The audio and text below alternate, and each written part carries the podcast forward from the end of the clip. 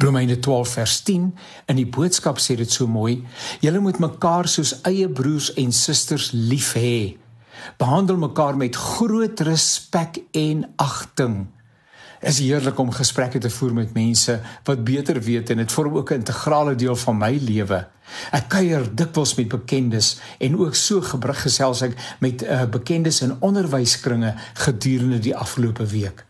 Ons gesels oor dissipline op skool of dan liewer die gebrek aan dissipline. En so vertel iemand my dat die gebrek aan dissipline op skool een van die vernaamste redes is waarom onderwysers uit die beroep bedank. Dis ontstellend nie waar nie? Ons leef in 'n tyd waarin almal regte het en terdeur daarvan bewus is. En ek dink dis reg so. Kinders vir alles kosbaar en ek persoonlik het 'n afkeer in mense wat kinders afknou, slaan, verniel en verneder, maak nie saak wie jy is nie. Volwassenes is tog rolmodelle en het 'n buitengewone verantwoordelikheid om volwassenheid, ook geestelike volwassenheid te modelleer. Kinders is nie engeltjies nie, dis ook waar. En hulle kan die geduld van 'n onderwyser tot die uiterste beproef. Dr. Karla Besuitnout en me Wilna van Heerden vertel dat hulle 'n waardegebaseerde program met leerders volg. Karla is by 'n laerskool en Wilna by 'n hoër meisieskool betrokke. Hulle werk nie met reëls nie. Is mos 'n mense geaardheid, nê? Sê nou net vir iemand jy mag nie, dan wil jy. By Karla en Wilna se skole is respek deel van die gedragskode en primêr. Wie respek het vir homself en respek het vir ander, hoef nie met reëls aan bande gelê te word nie.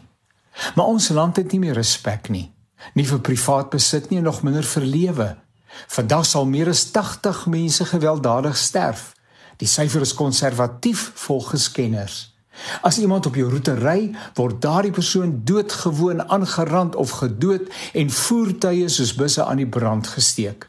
Vroue is gebruiksartikels en die staatskas behoort aan die geldwolwe. O, ons het respek nodig. Respek begin by respek vir God. Selfs God respekteer sy handewerk. Hy sorg en versorg dit elke dag. Hy noem ons by die naam. Dis 'n teken van respek en hy gee sy engele opdrag om ons op te pas. Nou as God ons mens wees, ons my individualiteit en alles wat daarmee saamhang respekteer, dan kan en moet ons dit ook doen, ook ons kinders op skool teenoor onderwysers.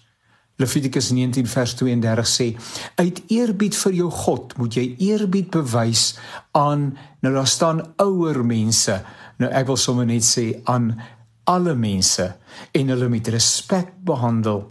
Ek is die Here." Staan daar. Dit is sy woord. Uit eerbied vir God alle mense met respek behandel.